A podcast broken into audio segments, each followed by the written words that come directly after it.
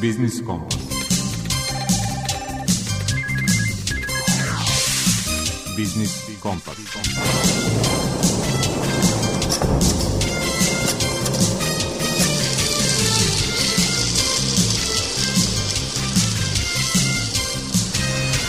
Pred mikrofonom je Đuro Vukelić.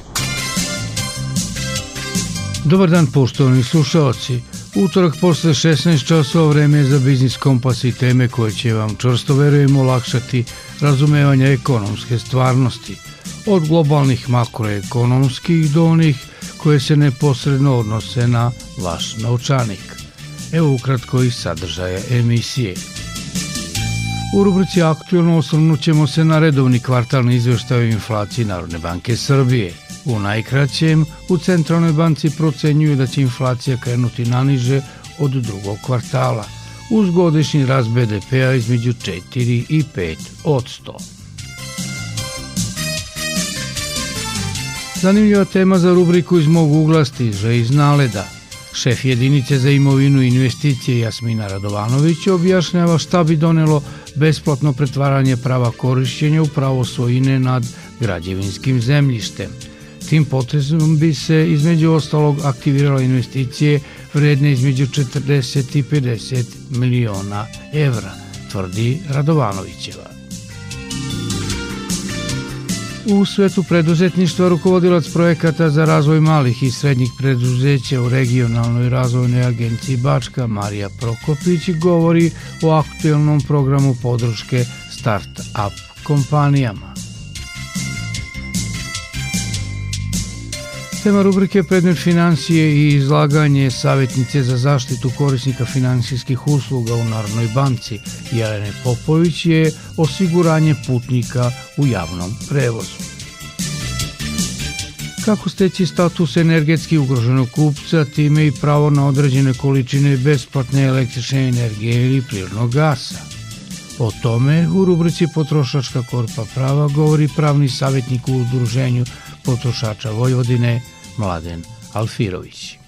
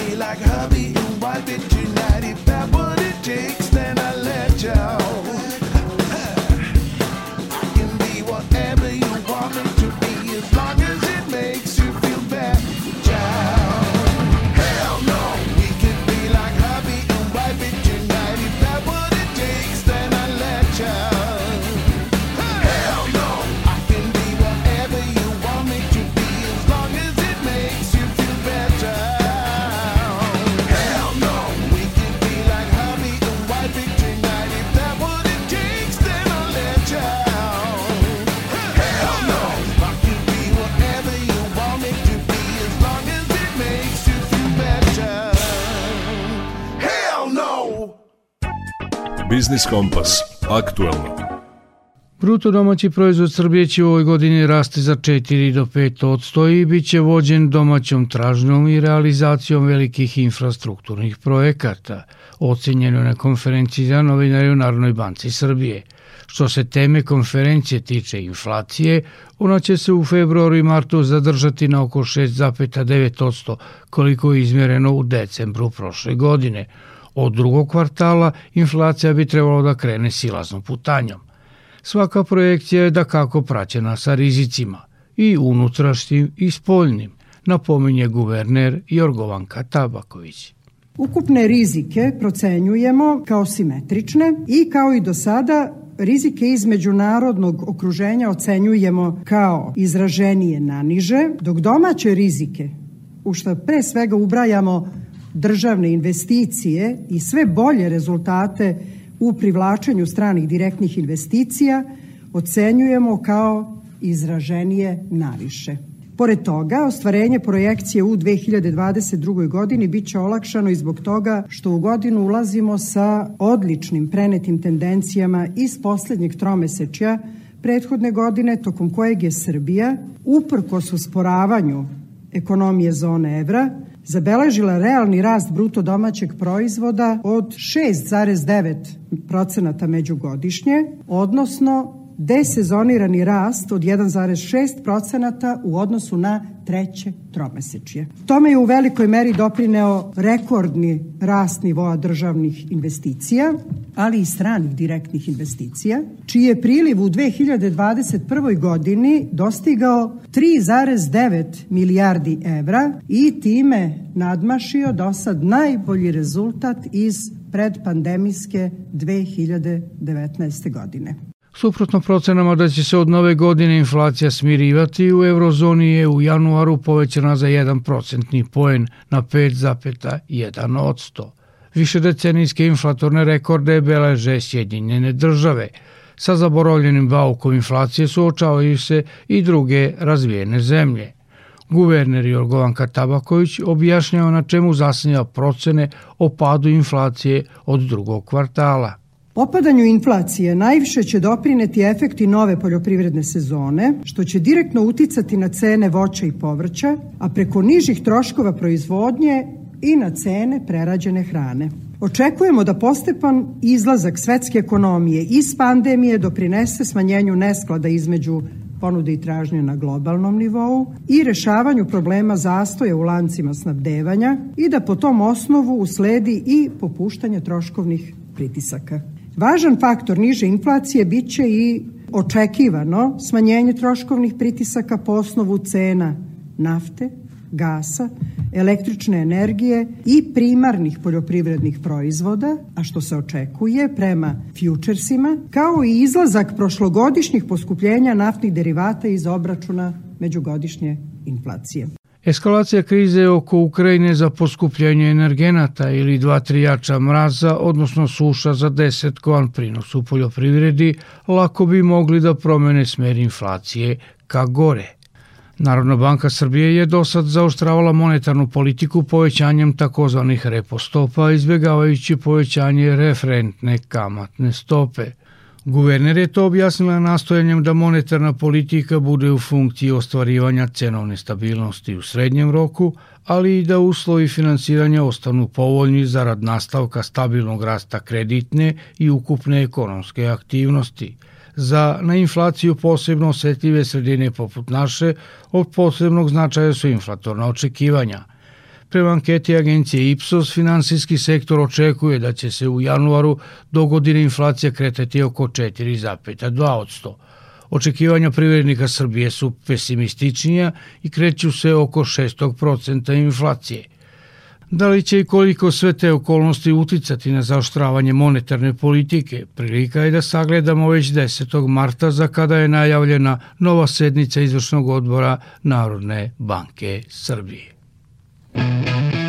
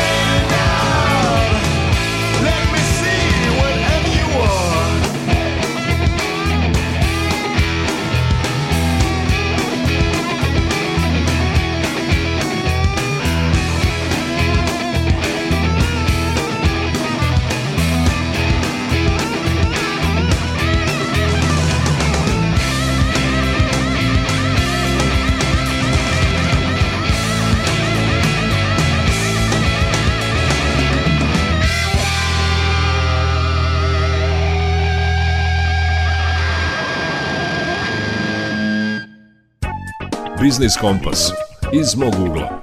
Pretvaranje prava na korišćenje građevinskog zemljišta u pravo svojine uz naknadu teško je razumljivo posebno stranim investitorima i teško razumljivo i skupo.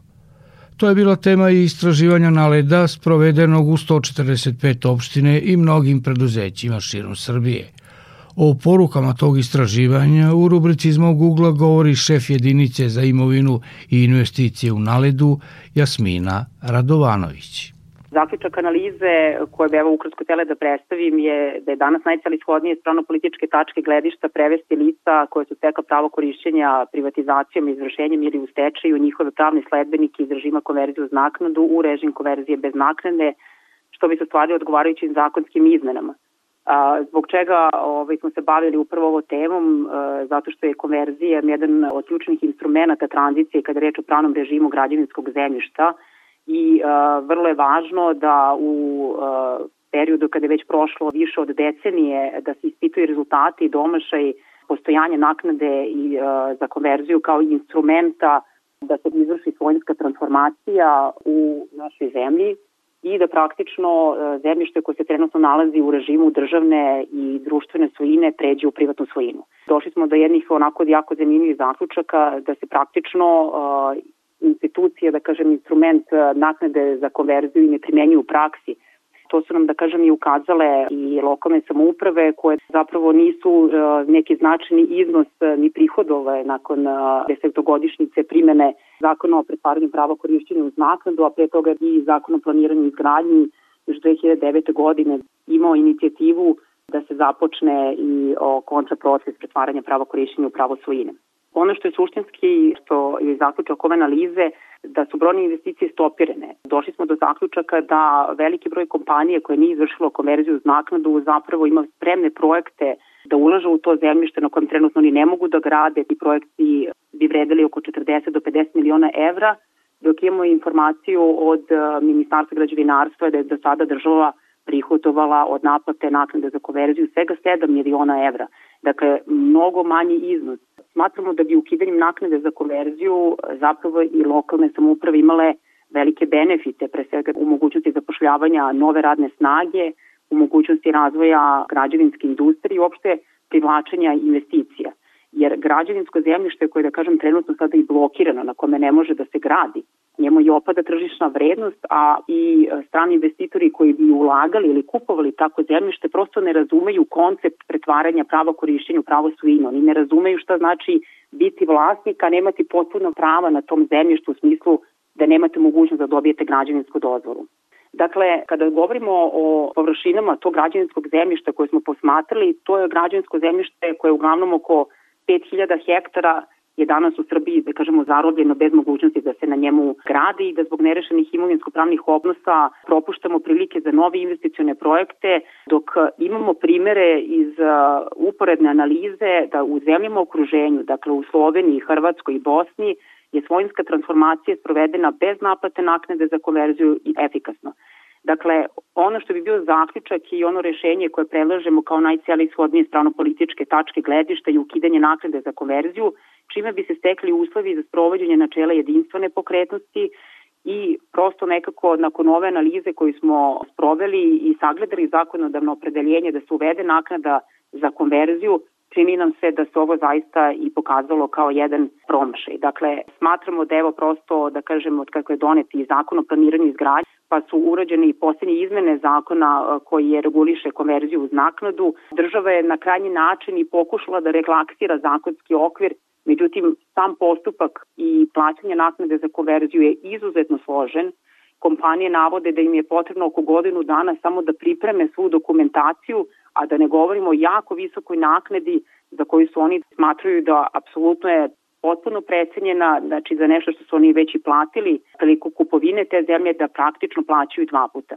Ne treba zaboraviti da vlasnici ovih parcela plaćaju porez na imovinu, dakle država ih već na jedan način i tretira kao vlasnike i da samim tim prosto smatruju da njima znači, treba da se omogući da iskoriste svoja puna prava i mogućnosti da grade na tom zemljištu. Dakle, ovo sad smo pričali da, da kažemo nizu nekih postojećih praktičnih problema koje ovaj, postoje na tom zemljištu i mislimo da bi u narodnom periodu svakako to bio jedan dobar iskorak, da ne pričamo i, i o posticanju investicije u našoj zemlji, ali da zapravo zaista pomognemo pre svega domaćoj privredi koja bi najpre i koristila to zemljište za proširenje svojih proizvodnih delatnosti i kapaciteta za zapošljavanje nove radne snage, Tako da ovo je neki predlog, jedna, jedna inicijativa koju je Naledi uputio ka Ministarstvu građevinarstva, saobraćaja infrastrukture, U naše o, istraživanje smo uključili, da kažem, i direkciju za imovinu Republike Srbije. Održali smo i nekoliko fokus grupa koje je okupila sve zainteresovane privredne subjekte, njihove zastupnike i predstavnike nekih od organizacije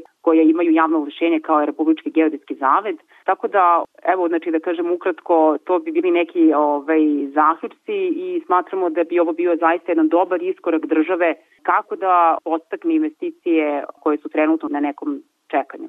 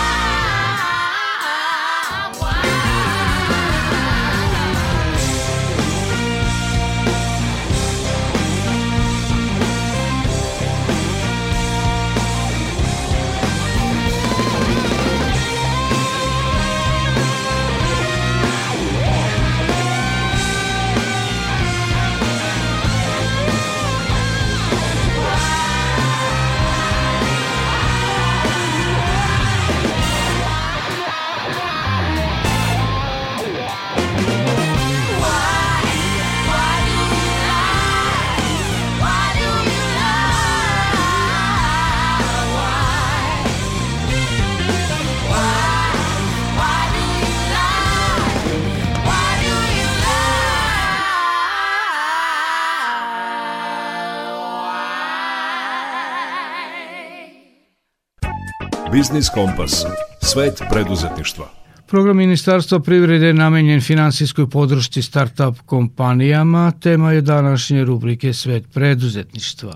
O uslovima konkursa govori rukovodilac projekata za razvoj malih i srednjih preduzeća u regionalnoj razvojnoj agenciji Bačka, Marija Prokopić. Ovo je program koji sprovodi Ministarstvo privrede u saradnji sa Fondom za razvoj Republike Srbije. Ukupna raspoloživa sredstva za realizaciju ovog programa su 150 miliona dinara, a pravo da se prijave na ovaj javni poziv imaju preduzetnici, mikro i mala privredna društva koji su registrovani u Agenciji za privredne registre i to najranije dve godine u odnosu na godinu podnošenja zahteva. Znači svi oni koji su registrovani 2020 2021. i ove godine mogu da konkuriše. Koji su neki od opštih uslova? Znači svi koji konkurišu mogu da ostvare bespovratno 30% od vrednosti ulaganja, odnosno do 40% ukoliko se nalaze uh, u jedinicama lokalne samouprave koje su svrstane u četvrtu grupu razvijenosti. Rok otplate kredita je od 3 do 5 godina, klijent sam bira znači koji će iznos i kamatna stopa je 1% ukoliko je sredstvo obezbeđenja garancija ili 2% ukoliko su priložena ostala sredstva obezbeđenja koja mogu biti jemstvo drugog privrednog subjekta, žirant, znači fizičko lice, zatim hipoteka na nepokretnost ili zaloga na opremi. A, sredstva za koje se mogu konkurisati ne mogu biti manje od 400.000 dinara, niti veća od 6 miliona dinara. Znači u tom nekom rasponu se može konkurisati, a koja je namena, znači za šta se može konkurisati za kupovinu opreme, dostavnih vozila gde su uključeni i mopedi na električni pogon koja služe za prevoz sobstvenih proizvoda, repromaterijala i sirovina, kao i druga transportna sredstva koja su uključena u proces proizvodnje. Dostavna vozila i oprema e, mogu biti nova ili ne starije od 5 godina, a, takođe može se konkurisati za tekuće održavanje poslovnog ili proizvodnog prostora i to do iznosa od 350.000 dinara i operativni troškovi koji mogu da učestvuju najviše 20% u strukturi ukupnog ulaganja. Detaljnije o ovom pozivu kao i potrebna dokumentacija mogu se naći na sajtu Ministarstva privrede, Fonda za razvoj Republike Srbije ili kod nas, znači na sajtu regionalne razvojne agencije Bačka. Everybody's doing a brand new dance now. Come on, baby,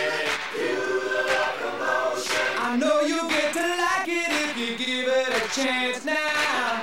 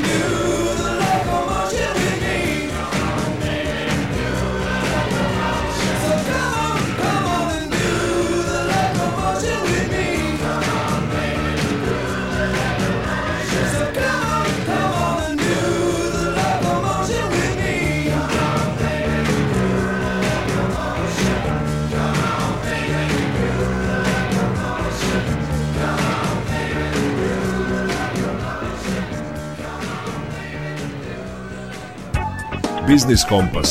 Predmet financije. U rubrici Predmet financije, savjetnik za zaštitu korisnika finansijskih usluga u Narodnoj banci Jelena Popović govori o osiguranju putnika u javnom prevozu. Kakve su obaveze prevoznika, ko se smatra putnikom i kolike su osigurane sume. Većina građana svakodnevno putuje javnim prevozom i kad se to ima u vidu, a ukoliko se neposredno pre započinjanja tokom i posle putovanja desi nezgoda, građani bi trebalo da znaju da u takvim da su osigurani i da mogu zahtevati naknadu za osiguranje, iako nisu sami zaključili ugovor o osiguranju. Naime, zakonom o obaveznom osiguranju u saobraćaju regulisano je osiguranje putnika u javnom prevozu od posledice nesrećnog slučaja i propisano je ko ima obavezu da zaključi ugovor o osiguranju, ko se smatra putnikom u osiguranju, koji su rizici pokriveni osiguranjem i kolika je visina osigurane sume i kako se ostvaruje pravo na naplatu štete. Prvo, ko ima obavezu da zaključi ugovor o osiguranju? Obaveza osiguranja putnika u javnom prevozu od posledice nesrećnog slučaja važi za sve vlasnike prevoznih sredstava kojima se obavlja javni prevoz putnika. Oni su dužni da zaključe ugovor o osiguranju putnika u javnom prevozu od posledica nesrećnog slučaja.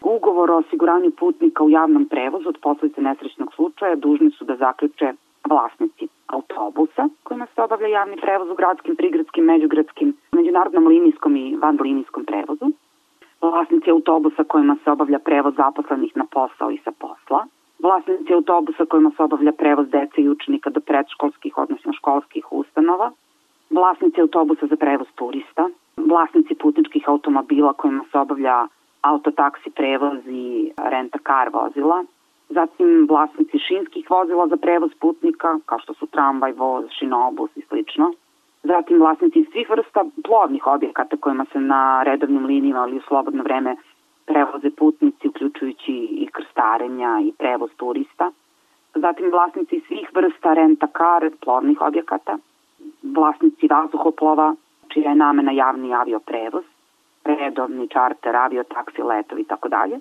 Zatim vlasnici turističkih vazduhoplova koji se koriste za kraće prelete i panoramske letove i renta car vazduhoplova i vlasnici drugih prevoznih sredstava bez obzira na vrstu pogona kojima se prevoze putnici uz naplatu prevoza u vidu registrovane delatnosti. A, vlasnik prevoznog sredstva je dužan da na vidnom mestu u prevoznom sredstvu i voznoj karti naznači podatke zaključenom ugovoru o osiguranju, a naročito naziv društva za osiguranje i prava putnika po osnovu tog ugovora. Evo sad da vidimo ko su putnici u javnom prevozu u skladu sa zakonom. Prema zakonu putnici u javnom prevozu su sledeća lica. Lica koja se nalaze u prevoznom sredstvu kojim se obavlja javni prevoz i koja imaju nameru da putuju bez obzira da li su kupili voznu kartu ili nisu lica koja se nalaze u krugu stanice, pristaništa, luke, e, aerodroma i u neposrednoj blizini prevoznog sredstva pre ukrcavanja koji imaju nameru da putuju i lica koja su obavila putovanje i napustila prevozno sredstvo, a nalaze se u neposrednoj blizini prevoznog sredstva u krugu stanice, pristaništa, luke ili aerodroma. Putnicima se smatraju i lica koji imaju pravo na besplatnu vožnju. Što se tiče osigurane sume, iznos najniže osigurane sume na koju može biti ugovoreno osiguranje putnika u javnom prevozu po javnom putniku utvrđuje vlada Republike Srbije, a na predlog Narodne banke Srbije i takva osigurana suma ne može biti niža od za slučaj smrti putnika 8000 evra u dinarskoj protivrednosti, za slučaj e, trajnog gubitka opšte radne sposobnosti, dakle invaliditeta putnika 16.000 evra u dinarskoj protivrednosti, i za slučaj privremene sprečenosti za rad i stvarnih i nužnih troškova lečenja putnika 4000 evra u dinarskoj protivrednosti. Da vidimo kako se ostvaruje pravo na isplatu osigurane sume. Dakle, putnik koji pretrpi povredu u javnom prevozu, odnosno određeni korisnik prema uslovima osiguranja u slučaju smrti putnika, ima pravo da zahteva da društvo za osiguranje sa kojim je zaključen ugovor o ovoj vrsti osiguranja neposredno njemu izvrši svoju obavezu iz ugovora o osiguranju. U slučaju povrede ili smrti putnika, potrebno je obratiti se društvu za osiguranje i podneti zahtev za isplatu osigurane sume ili sume osiguranja u slučaju smrtnog ishoda korisnika osiguranja. Ako vlasnik prevoznog sredstva nije zaključio ugovor o osiguranju ili je zaključio ugovor o osiguranju sa društvom za osiguranje nad kojim je pokrenut među vremenu stečajni postupak, a desio se osigurani slučaj, lice ima pravo na naknadu iz osiguranja čiju isplatu može zahtevati iz sredstava garantnog fonda. Pravo na osiguranu sumu ima putnik, odnosno korisnik osiguranja, nezavisno od toga da li ima pravo na naknadu štete po osnovu odgovornosti prevoznika.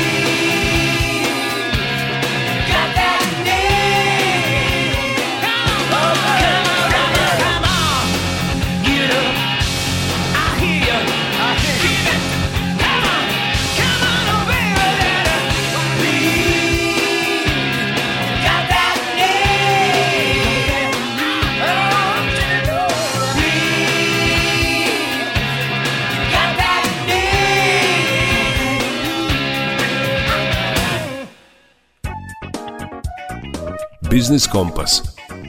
Potrošačka korpa prava.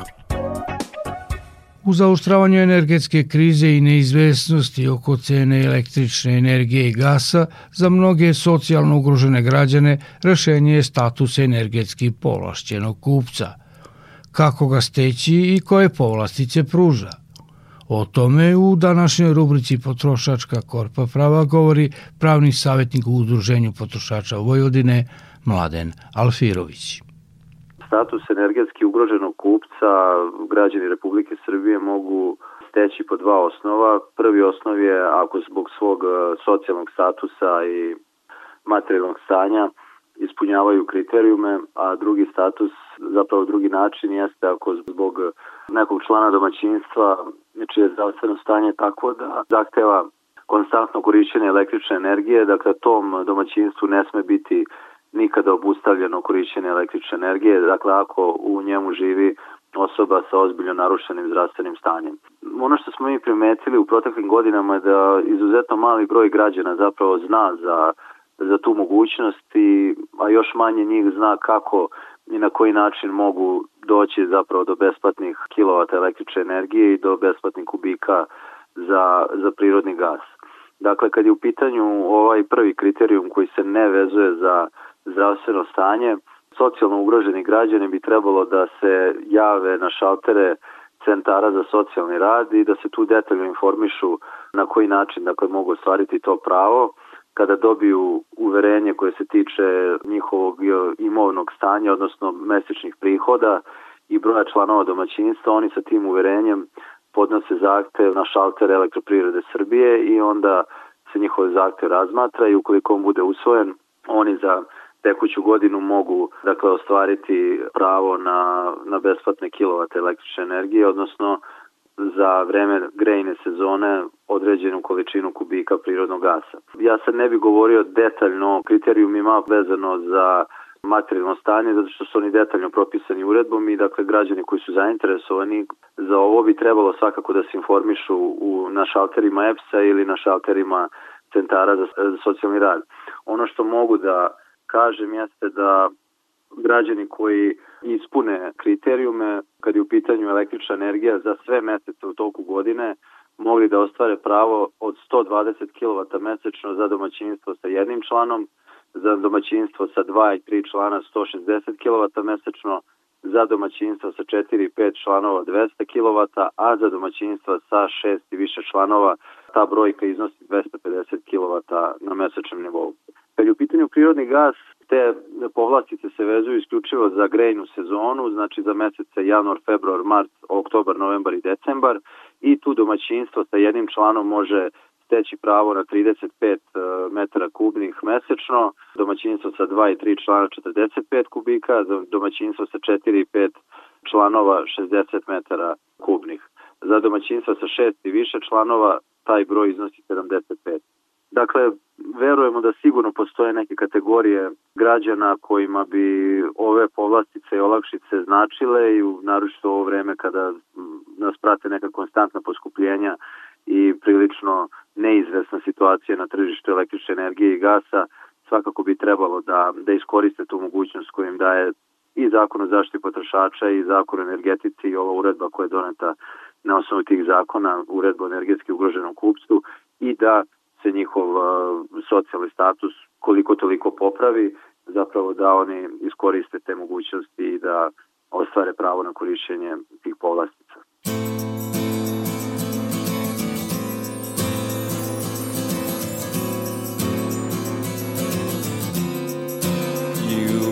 The seven deadly sins, making sense in your screwy dress.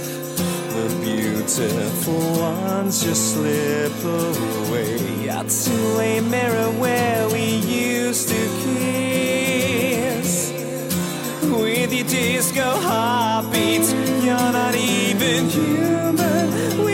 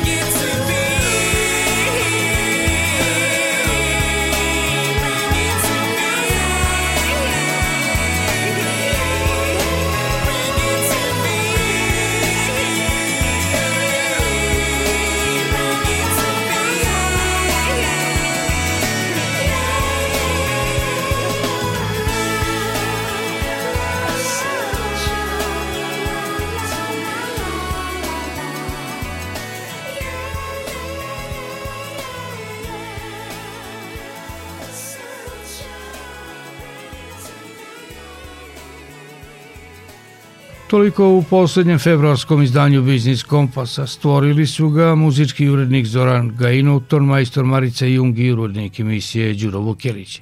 Posećam vas da i ovu i sve prethodne emisije možete da slušate i odloženo na internet stranici Radio Televizije Vojvodine podcastu Odloženo slušanje. Do idućeg utorka u isto vreme, zdravi bili i čuvajte se.